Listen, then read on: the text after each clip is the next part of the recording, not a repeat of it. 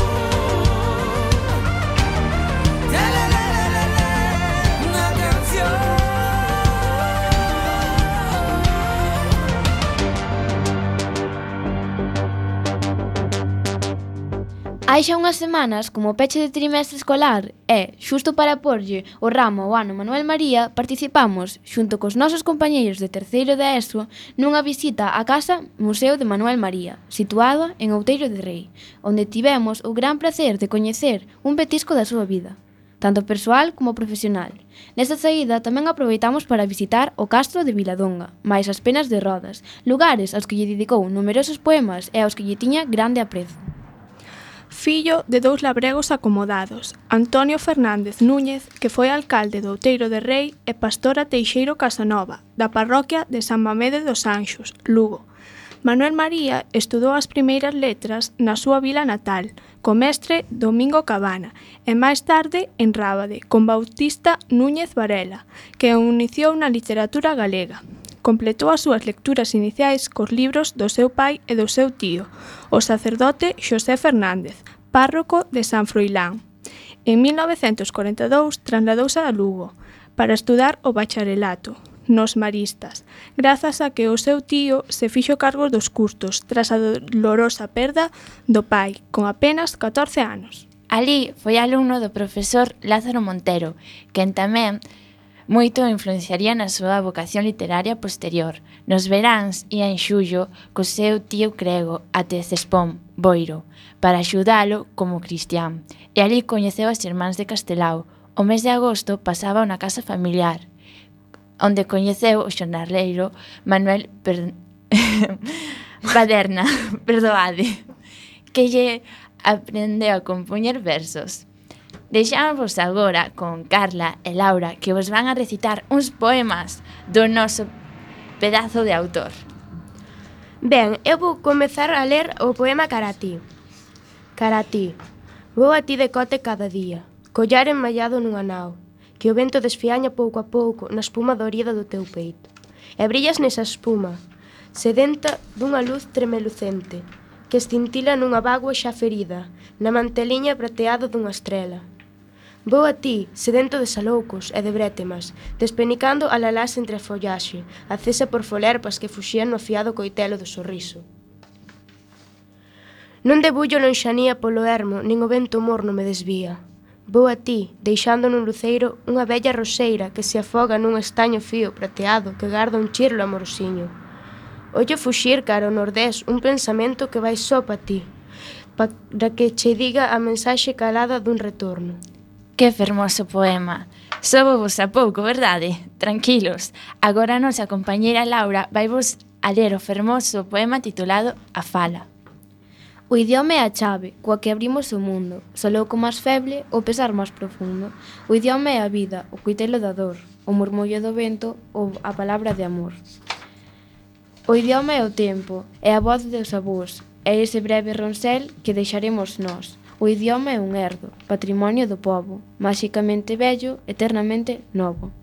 O, no, o idioma é a, tra, a patria, a esencia máis nosa, a creación común, meiranda e poderosa. O idioma é a forza, que nos xunga e sostén. Se perdemos a fala, non seremos ninguén. O idioma é o amor, o latexo, a verdade, a fonte da que agroma, a máis forte irmandade. Renunciar ao idioma é ser mudo e correr e morrer. Precisamos a lingua se queremos vencer.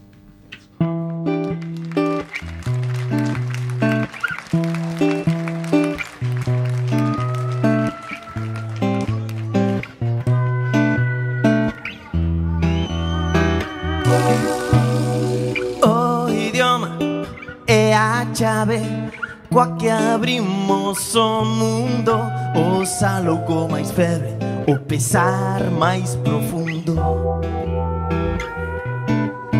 O idioma é a vida O coitelo da dor O murmurio do vento A palabra de amor O idioma é o tempo é a voz dos avós. Ese breve roncel que deixaremos nos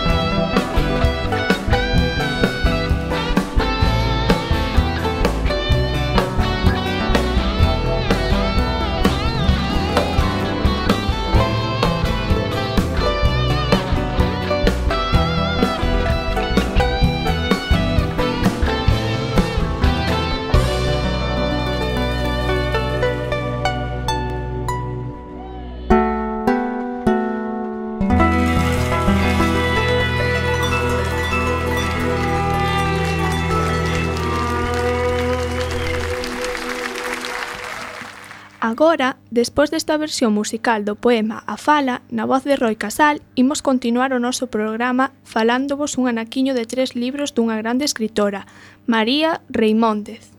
Como deixo a miña compañeira María, estivemos a ler en cursos pasados dous libros de María Reimóndez, Uxa e máis o regreso de Uxa. E neste curso, grazas ao Club de Lectura, achegámonos ás páxinas da dúbida, a súa novela máis recente. Eu, Uxía, vou vos falar do libro de Uxa. Irónico, non si? A ver, comecemos. É un libro moi interesante que vos trasladará a India e a súa cultura.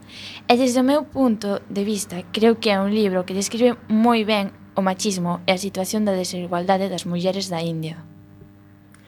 Eu estou de acordo co que dixo a miña compañeira.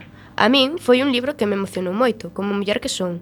Gustoume moito porque me fixo ver dende unha panorámica diferente esas palabras que eran movidas polo vento, dende a perspectiva dunha persoa que sí o viviu. Pareceme unha barbaridade que nestes tempos exista o machismo en calquera cultura.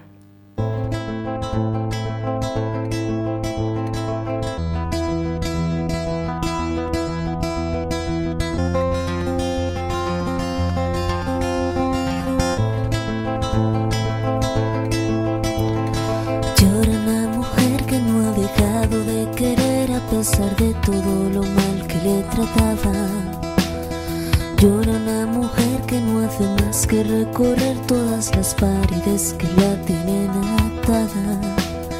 Llora una mujer que piensa una y otra vez porque hizo mal en pronunciar palabras. Es la en que la quiere y es por eso que pretende que entienda que de su vida ya no es dueña.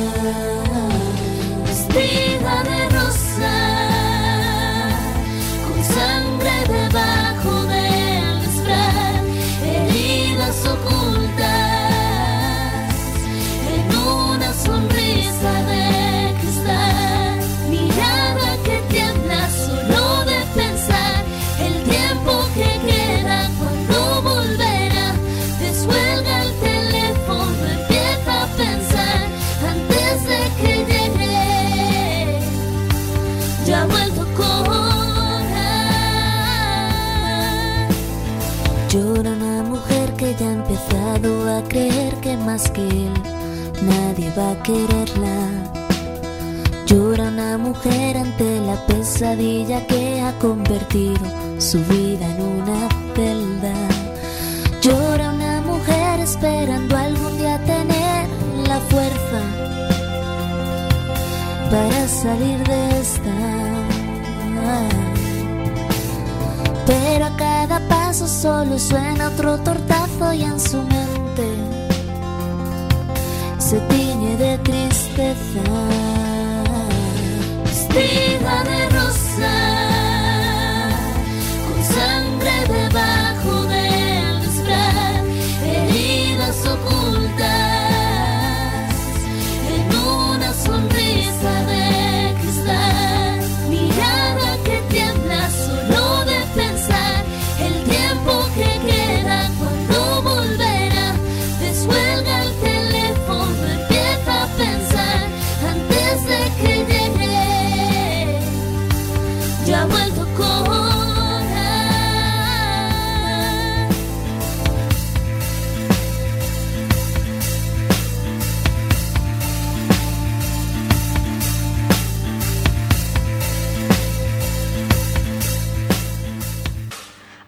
Queridas compañeiras, este libro gustoume bastante, porque se ven as diferenzas culturais entre países tan distantes como España, Galiza e a India.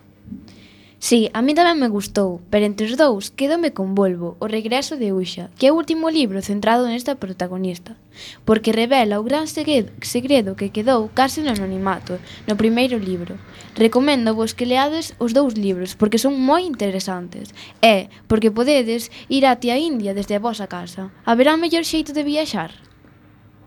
Ainda que, compañeiras, non nos podemos olvidar de comentar ese outro magnífico libro da autora, que en verdade me deixou os, pentos, os pelos de punta. Xuro bolo. A dúbida. Este é o seu título e a verdade é que xa nos primeiros capítulos sí que che crea unha gran dúbida. Estou de acordo contigo, Carla. Esta historia demostra o pouco respeto que algúns homes teñen polas mulleres, nomeadamente polas nenas. Con iso quero decir que se alguén sofre un roubo, a policía acredita e actúa inmediatamente. Pero se unha muller é violada, maltratada ou é víctima de bullying, sempre tendrá que demostrar que lle pasou iso e entregar probas. E sinceramente, dende o meu punto de vista, dubido que ninguén se invente esas situacións tan desagradables e indignas. E que parece increíble que no século XXI sigamos con máis 10.000 anos atrás, a ver cando é o día en que a sociedade deixe de mirar só polos seus intereses para se centrar un pouco máis na igualdade, porque non é normal que nenas de 12 anos ou menos sexan prostituídas ou malvivan como vítimas de abusos sexuais por parte de alleos ou dentro da mesma familia que estean tan aterrorizadas polo que lles poida pasar se o contan e chegan a sentirse na obriga de optar por calar o seu sufrimento. Ben, polo menos non podemos perder toda a confianza na raza humana, porque hai persoas que intentan axudar estas rapazas e loitan para que saian para adiante. O seu labor é fundamental para concienciar a soidade A sociedade da que o maltrato, sexa cal fora a súa manifestación, non é algo normal. Non temos que pasar de calquera dos, xe, dos xestos en que se manifesta, aínda que parezan inocentes como se nada, como se nada, porque entón o silencio fai nos cómplices e non colaboramos coa súa erradiación definitiva da sociedade. Eu, sinceramente, penso que como cada vez hai máis noticias sobre o maltrato, a xente pasa do tema, porque están tan afeitos a oír noticias dese tipo que xa o ven como algo normal. Pero se en vez de pasar do tema todos actuáramos contra o maltrato, as cousas cambiarían. Oxalá Deus te escoite e faga iso realidade, porque o ritmo que vai a sociedade é complicado cambiar tan facilmente de mentalidade. E ben, volvendo ao libro, a min o que máis me gustou foi a estructura de algúns capítulos, porque desenvolvían no presente, pero contaban unha historia do pasado. A min é que me encantou este libro. Creo que xa é un dos meus favoritos, porque fala dun tema realmente importante.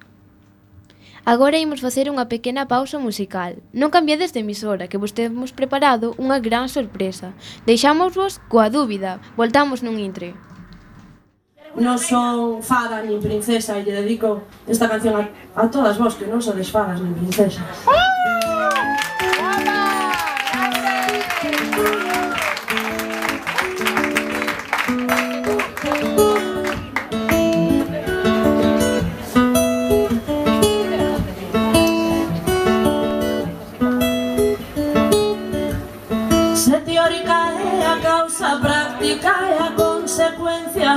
teórica é a causa práctica é a consecuencia. Non quero asumir ausencias nin chorar para partir. Non quero asumir ausencias nin chorar para partir. Comer e deixar que comas vivir e deixar que vivas. Comer e deixar que comas vivir e deixar que vivas. Loitar se a loita é precisa e rise preciso rir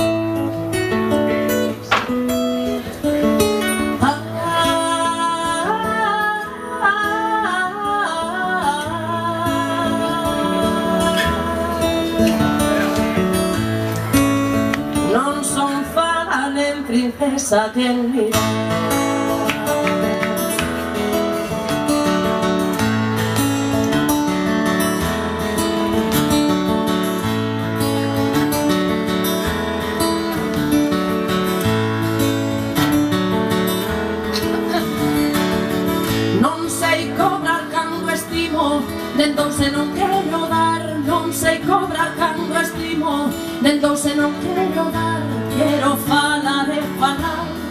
Sen dar nada por ouvido Quero falar e falar.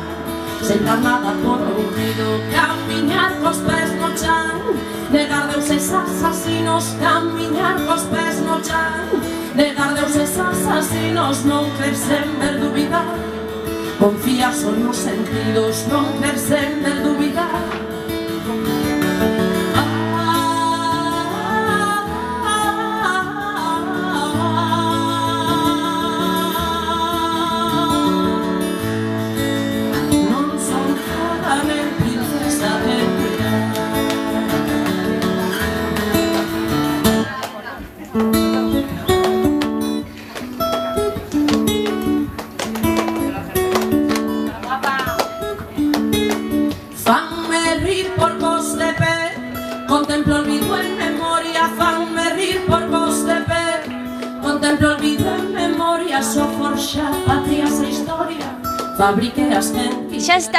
volta, despois de compartir esta fermosa peza musical de SES, cantante de orixen bergantiñesa, chegou o momento de desvelarvos a dúbida coa que vos deixamos antes de, da pausa. Perdoade. Así que imos poder facerlle unhas preguntas en risco directo a autora destes fantásticos libros dos que vos falamos. María Reimóndez. Boas tardes, María, como estás? Boas tardes, moi ben, e vos? Pois moi ben, aquí. Vexo Hola, María. Estades entretidas. Sí, sí, bastante. Está ben. Hola, María. Gustaríame saber a que anos comezaches a escribir? Pois, eu sempre digo que comecei a escribir moi cedo, a mesma idade na que comecei a poñer letras no papel. Por algunha razón sempre me interesou a escrita, sempre me gustou ler, e dende moi pequena pois escribía as miñas cousiñas e, en cadernos. Moi ben. Cal foi o primeiro libro que publicaches? Pois o meu primeiro libro publicado é Moda Galega, que é un poemario, e xa hai bastantes anos diso. Cal dirías que é o teu libro máis persoal? Ui, todos. Todos os libros son persoais, todos os libros son eh, textos que tratan cousas que me inquedan, que me incomodan ou que me interesan, entón todos eles parten de min. Mm. Que intentas transmitir aos lectores cando escribes un libro como o de Uxa? Pois nese caso mm, a curiosidade e a visión con ollos abertos de das nosas outras, de outras culturas, de outros lugares, intentando pois eh, superar os presuizos que moitas veces temos cando intentamos achegarnos a, a culturas que non coñecemos e sobre as que temos moitos presuizos. En que te inspiraxes para escribir o libro A dúbida? Pois na sociedade na que vivimos, tristemente, eh, case todos os meus libros están inspirados en no que me rodea, no que, no que percibo. Eh, no caso da dúbida, o tema dos abusos sexuais, eh, aínda que non queremos velo, pois está diariamente ao noso arredor, eh, vémolo nos medios de comunicación, e se consideramos que unha de cada cinco menores é eh, víctima de abusos sexuais, pois é evidente que todas as persoas temos se non somos nosas directamente afectadas, alguén no noso alrededor que padeceu abusos na súa infancia.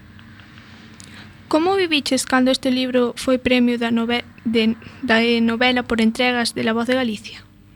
Pois foi unha alegría moi grande porque é un premio que é complicado porque ten unha unhas bases moi específicas, hai que escribir 31 capítulos de 2500 caracteres porque se van publicando día a día no xornal durante un mes, entón, dende o punto de vista literario era moi complicado, porque hai que escribir dunha maneira moi, moi pechada, moi limitada nesa estrutura, pero sobre todo a satisfacción foi que un libro que trata este tema do que xa falamos, pois puidese chegar a, a lectoras e lectores dunha maneira ampla e, bueno, pois que recibise o recoñecemento dun xurado independente como o que, o que avalía este premio. Dos libros de outros escritores e escritoras galegas, cal dirías que che chamou máis atención e nos recomendarías ler? Escritoras e escritores. Mm, pois mira, recomendo vos ler, por exemplo, eh, Marta e a Píntega de Eli Ríos, que é un libro que saiu hoi pouquiño. Eh, tamén me gusta, si, sí, falo vos de libros de autoras que, que saíron recentemente. Eh, mm, non mascotas, creo que se chama, de Paula Carballeira, que tamén olín hai pouquiño, que me gustou moito, e que, bueno, ás veces temos así un pouco de reticencia cara a poesía, a min pareceme un xénero moi divertido, e ademais Paula, pois, é unha autora que sabe moi ben como tratalo, e, Carol Este, de Antianara, temos unha, unha lista moi longa e tamén o ano pasado saiu un libro que, que a min me gusta moito que se chama Seike, eh, que foi escrito por Susana Sánchez Arins, e eh, que creo que é un libro moi original eh, na maneira na que está escrito, pero que nos axuda a reflexionar sobre isto que chamamos a memoria histórica, eh, dicir, sobre toda a nosa eh, historia aínda soterrada da Guerra Civil e eh, do que iso significou para moitas familias dunha maneira, como xa digo, moi original. Entón, bueno, deixo vos aí unhas recomendacións. Cal foi en xeral o mellor libro que liches ou que sempre che apetece volver a ler? Ui, iso non podo determinalo porque leo moitas cousas e realmente mm, eh, teño que dicir que releo moi poucas cousas porque, mm, bueno, sempre teño curiosidade por ler autoras novas, leo en varios idiomas, eh, entón é un pouco complicado, non podería escoller un libro. Si que teño algunhas autoras que me gustan moito, como por exemplo Margaret Atwood, tamén me gusta moito a autora argentina Claudia Piñeiro, Eh, bueno, hai algunhas autoras que, que leo con moita frecuencia, a Dichi, esta unha autora nixeriana, eh, moitas autoras da India, como Salma ou como Ambai, eh, que as leo a través das traduccións en inglés moitas veces, eh, bueno, hai moitas autoras que me gustan, pero non podería elixir un único libro. Eh, e se un libro te chamara a atención e tiveses ganas de lelo, pero a xente che dixera que é moi aburrido, leríalo? Sí, claro, por suposto. Eu creo que as cousas temos que aprendelas por nós mesmas, eh, e temos que experimentar e tamén entender que, bueno, non a todo o mundo lle gustan as mesmas cousas, o mellor un libro que a unha persoa lle parece moi aburrido, a outra pode lle parecer fascinante e maravilloso, iso tamén para as persoas que escribimos é unha fortuna, porque sabemos que as lectoras leen cousas moi diversas, non? Entón, bueno, pois pues haberá persoas as que un libro lles parece aburrido e outras que as que lles encante. Entón, eu prefiro sempre eh, decidir por min mesma, coñecendo as cousas en profundidade, e, por suposto, cos libros, pois, que me da igual o que me digan, vou ir ler a menos que sexa pois alguén que ten un criterio do que eu me fíe moito, pero bueno, ainda así iría botar un ollo. E a verdade é que faz ben, eu tamén comparto esa opinión. Mm. Eh, que consellos lle darías a mocidade que lle gustaría converterse en escritor no futuro? Pois primeiro ler, porque a escrita tamén se aprende lendo, e eh, ler hai moitas maneiras distintas de ler. Lemos por diversión, pero tamén ás veces lemos para aprender. Eh, se si queremos escribir, pois temos que aprender a ler tamén desa maneira. Empezar a ler fixándonos pois nos recursos que utilizan as autoras e os autores, eh, que estruturas teñen, por exemplo, as súas novelas ou que imaxes utilizan na poesía, e, e practicar, escribir moito, deixar ler o que escribimos, e ver, bueno, pois que nos van dicindo persoas das que nos fiemos, que teñen criterio, pois as nosas mestras ou as nosas compañeiras das que nos fiamos, eh, pois irles deixando ler as cousas e pouco a pouco despois tamén podemos ir empezando pois a presentarnos a premios literarios que a maioría das veces non gañamos, pero é unha boa maneira de ir facendo exercicio. Bueno, malo será que nadie consiga. Claro, tamén eso é, é así, pero bueno, aínda que non gañemos, polo menos xa escribimos algo e xa fixemos un esforzo máis, non? Os premios tamén ás veces son pois unha maneira de escribir tendo un prazo e, bueno, pois tendo un obxectivo, sí e, e xa con rematar a obra, pois xa un poemario, ou un relato, unha novela, pois xa aí tivemos un premio importante porque xa estivemos facendo traballo de, de escrita. Si, sí, ademais que un libro non é nada fácil de facer porque, vamos...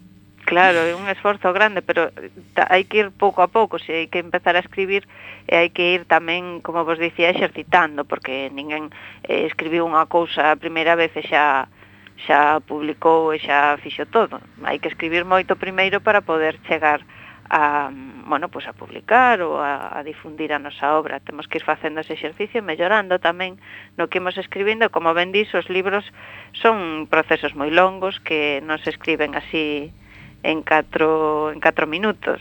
No. Informándonos sobre ti, descubrimos que viaxas de cando en vez a India. Que foi o que te incitou a iniciar estas viaxes? Ui, pois, mira, viaxo con tanta frecuencia que mañá marcho para ali outra vez, así que é unha, xa un, unha parte moi importante da miña vida. Pois o que, o que comezou estas viaxes, eu sempre digo que foi por unha banda unha anécdota e por outra banda, pois, a vontade. A anécdota é que dende que era pequena sempre me dicían que parecía a India, entón bueno, tiña curiosidade por ese país, e lía moitas cousas, tamén a través da literatura é unha boa maneira de coñecer os lugares, sobre todo lendo o que escriben as autoras dos propios países, E, e bueno, chegou un punto na miña vida tamén no que a iso se lle xuntou, creo que a parte máis importante, isto é simplemente unha anécdota, eh, que era pois determinar que dado que só temos unha vida, pois eu quería facer algo eh, significativo coa miña para min. Eh, decidín que, bueno, o que máis me, me perturbaba ou me incomodaba era comprobar que, a pesar de todo, seguía habendo unhas desigualdades moi grandes entre os chamados países ricos e os chamados países pobres ou países en vías de desenvolvemento, e que, mm, bueno, pois que quería investir as miñas enerxías en en coñecer, en aprender, en intentar contribuir a cambiar esa situación. E de aí empezou ese proceso e aí sigo. E que é o que máis che gusta de ese país? Pois cos países pasa como cos persoas, que así mos coñecendo e vemos esas cousas boas e as cousas malas. E igual para min eh, está na India en particular en Tamil Nadu, que é o, o lugar onde, onde paso máis tempo, pois é como estar en Galicia, hai cousas que me gustan moito e outras que non me gustan nada, non?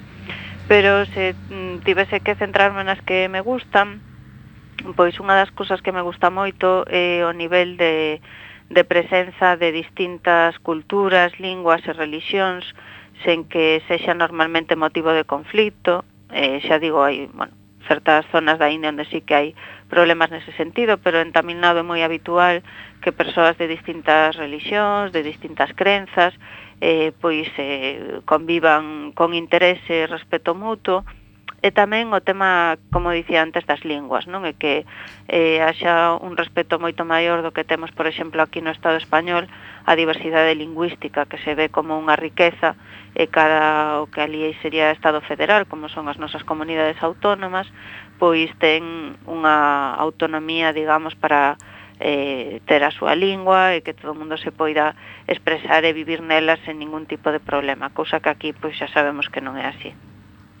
Como é o proceso de adaptación a un país e a unha cultura como a India, aparentemente tan diferente ao noso?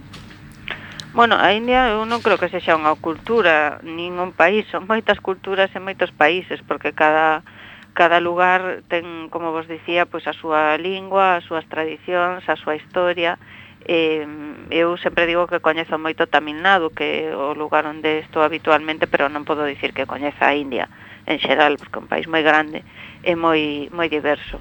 Eh, eu creo que a chegarse a, a lugares que en principio semellan afastados, pois implica facelo como cando somos pequenas, coa disponibilidade de aprender, de intentar pois eh, poñernos na posición das outras e tamén intentar eh, desfacer moitas veces as ideas preconcebidas que temos sobre nós e sobre sobre este, en particular sobre este tipo de países, non? Onde se nos ensina a pensar pois que hai a xente terrible, que pasan unhas cousas horribles e demais, porque interesa que teñamos esa visión, e, bueno, pois intentar achegarse con esa humildade e tamén convivindo moito coas persoas, non, non ver as cousas dende fora, senón realmente convivir eh, e atopar as nosas amizades, as nosas relacións humanas como en calquera sitio, non que non ten nada que ver coa experiencia ás veces de turistas ou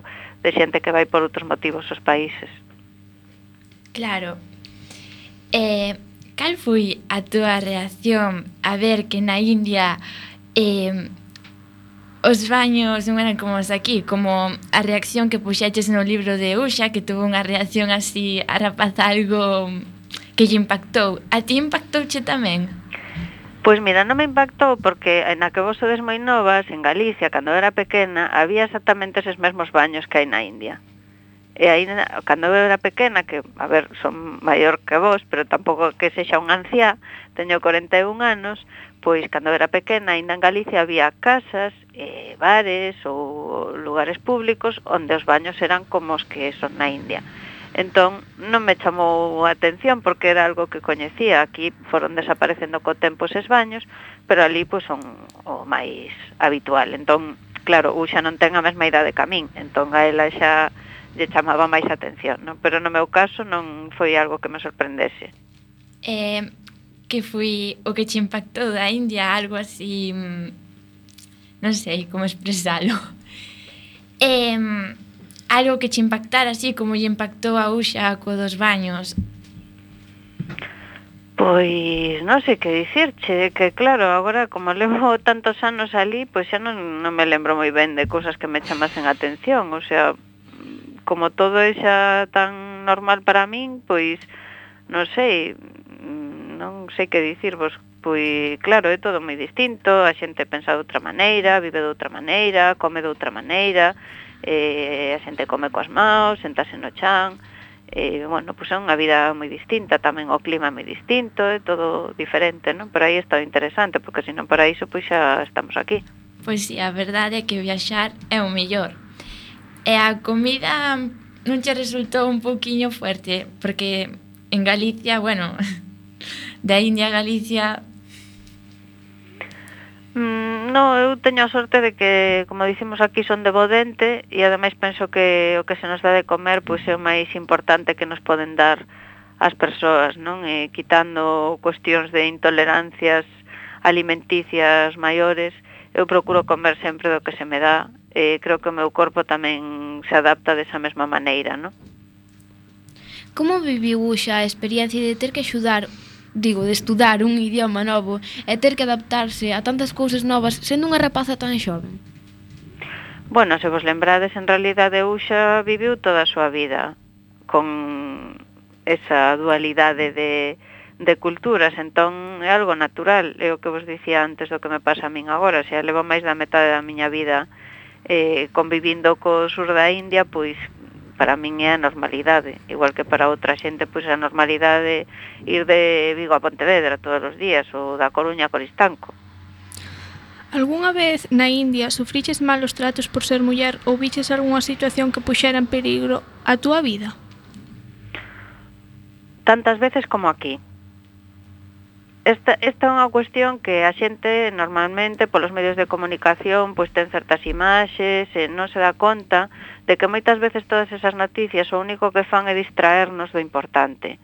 E o importante é que a violencia contra as mulleres ocorre en todas as sociedades, non é algo que ocorra na India exclusivamente ou en non sei que países, está pasando ao noso alrededor todos os días. Eu como muller padecín situacións de violencia aquí, na India e en todos os países nos que fun en maior ou menor medida, pero creo que mm, non podemos empezar a facer categorizacións de dos países e outros porque temos moito que rascar no noso.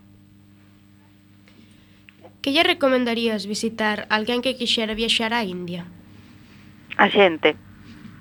Eu creo que os países hai que visitalos pola xente, porque outros son pedras, eh, podemos velas nunha foto, pero a convivencia coas persoas non a podemos facer a menos que esteamos no lugar. Pois Está escribindo algún libro novo actualmente? Sí, eu sempre estou escribindo cousas, o que pasa é que prefiro non falar delas hasta que non están acabadas. Deixasnos coa dúbida. Exacto, coa dúbida, que así na última eh, é eh, esa. Entón xa quedamos perfectamente pechado o círculo. Por último, para acabar coa entrevista, gustaríanos que nos contases que outros proxectos tes axudando a desenvolver noutros países, que sabemos que tamén visitaches. Bueno, eu, máis que falar dos proxectos que teño eu, eh, prefiro falar dos proxectos colectivos nos que, nos que estou. Eh, o proxecto colectivo seguramente máis importante é eh, Implicadas no Desenvolvemento, que é unha organización eh, feminista e que traballamos con mulleres, como dicíamos antes, de, de Taminado, tamén de outros países, por exemplo, de Etiopía. Eh, creo que é importante que, que nos estea escoitando pois pense que estas cousas das que falamos non son cousas individuais de dunha persoa, neste caso miñas, senón que todas as persoas temos a capacidade de incidir no que nos rodea e en particular na pobreza, nas desigualdades. Entón eu animo a toda a xente a que visite a páxina web de Implicadas, que é www.implicadas.com, eh, que vexa o traballo que facemos, eh, que nos axude a continuar facéndose socia ou facéndose voluntaria, porque mm, estas cuestións das que falamos eh, como me pasaba cando vos contei porque fora a India a primeira vez hai unha parte de anécdota da que, bueno, pues nos gusta falar nas entrevistas de do que fixen ou do que fun e tal, e outra que é a verdadeiramente importante, que é o traballo colectivo que se fai. Entón, eu creo que máis importante que o que eu faga ou deixe de facer é sobre todo o que podemos facer conxuntamente. E aí implicadas é unha, unha porta, non? na que sempre aberta, na que todo o mundo pode entrar.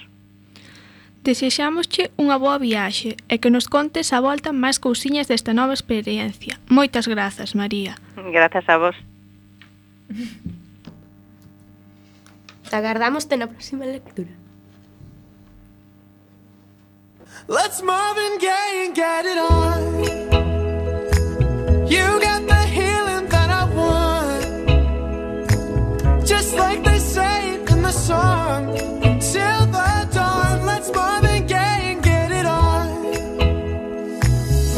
got this king size to ourselves. Don't have to share with no one else. Don't keep your secrets to yourself. It's Kama Sutra show and tell.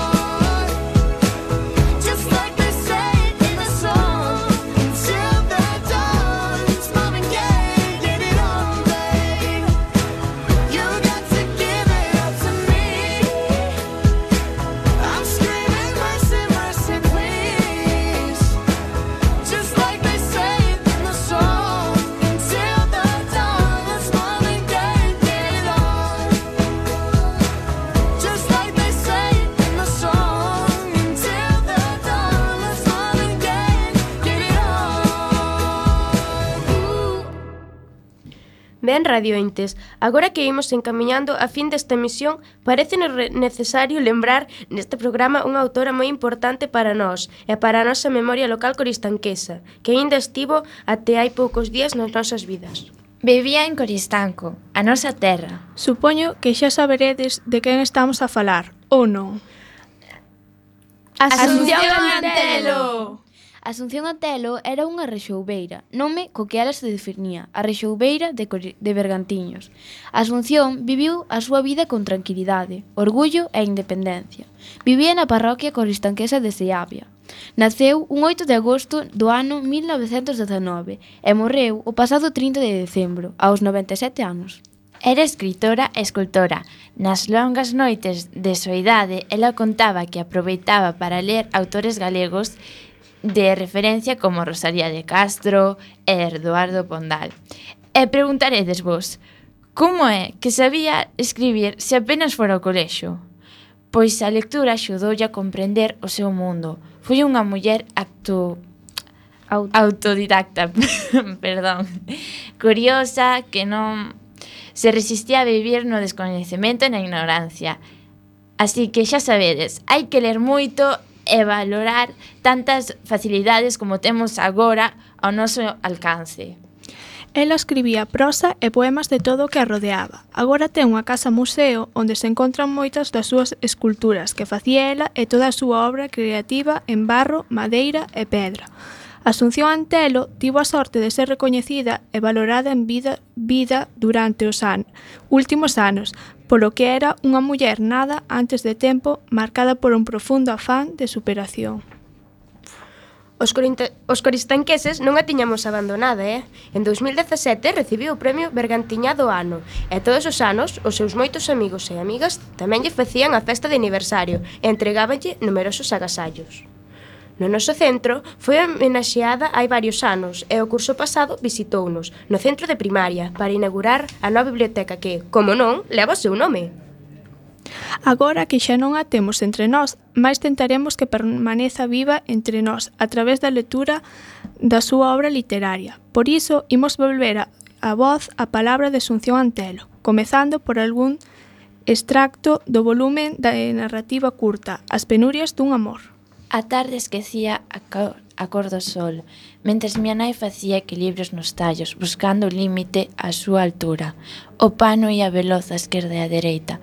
Pasaba unha e outra vez sen deterse, sen cansar, sen alentar, competindo consigo mesmo nunha cadeira libre.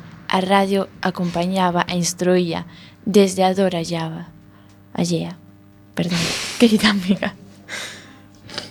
A señora Francis debía estar perfectamente peiteada, loura, máis discreta, tres dos lentes de cuncha negra. No seu impecable traxe gris perla. A memoria é caprichosa, sabe exactamente como era a luz da cociña e os tiradores das portas. Lembra a voz dunha muller postiza que aplacaba as sublevacións domésticas e justificaba a resignación. A postura da nena que mira os azulexos brancos fascinada, mentre se volven máis brancos e brillantes. Señora Francis, que agora o que eu penso, a memoria non guardou as súas sabias instruccións. Nada quedou das recomendacións para a perfecta ama de casa, só a voz masculina dun tempo de pobreza. Ao día siguiente, o callo das, da sangue adornaba a fonte, coa súa cor escura e unha forma improbable, forma de cunca e burbulla que non podía nin tocar. E, para ir despedindo este programa, compartimos convosco algún poema da nosa querida veciña, Asunción Antelo, na honra da súa memoria e como gratitude pola súa afouteza e valentía superadora. Lonxe das campanas da miña parroquia, as campanas de Seabia, que a me dera de escoitar. Teño a morriña da terra, non podo disimular, Cando soño dormindo, de que vos sinto soar, recordo lonxe de vós e bótome a chorar. Campanas de Seabia, campanas do meu querer, as campanas de San Mamede non as podo esquecer. A terra onde eu nací unha mañá de agosto. Cando o sol empezaba a raiar, sopraba un ventiño fresco. Nacín eu neste lugar. Fun abrindo nos meus ollos, o mundo empecé a ver, para cando fora maior podelo recoñecer. Coma María pensaba a terra onde eu nacera, era Segufe de Seavia, esa deliciosa aldea. Bendito sea o crego, que bautiza Rosalía, que mesmo lle puxo a nena o nome que merecía. Era noble de corazón, a Galicia sempre amaba. Moito sentía Rosalía do galego que a miraba. Chorade galegos, todos, a morte de Rosalía era o sol máis radiante que alumeaba Galicia. Para escribir este libro non usei mesa nin, blanco, nin banco. As rodillas facían de mesa e a cama de banco. Nas noites longas de inverno, boas fartas me pegaba, escribindo neste libro sentada na miña cama.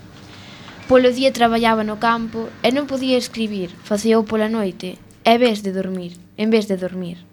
Con traballos e desvelos escribín este libriño para lle deixar de regalo aos filliños de Bergantiños. Todo bo remata.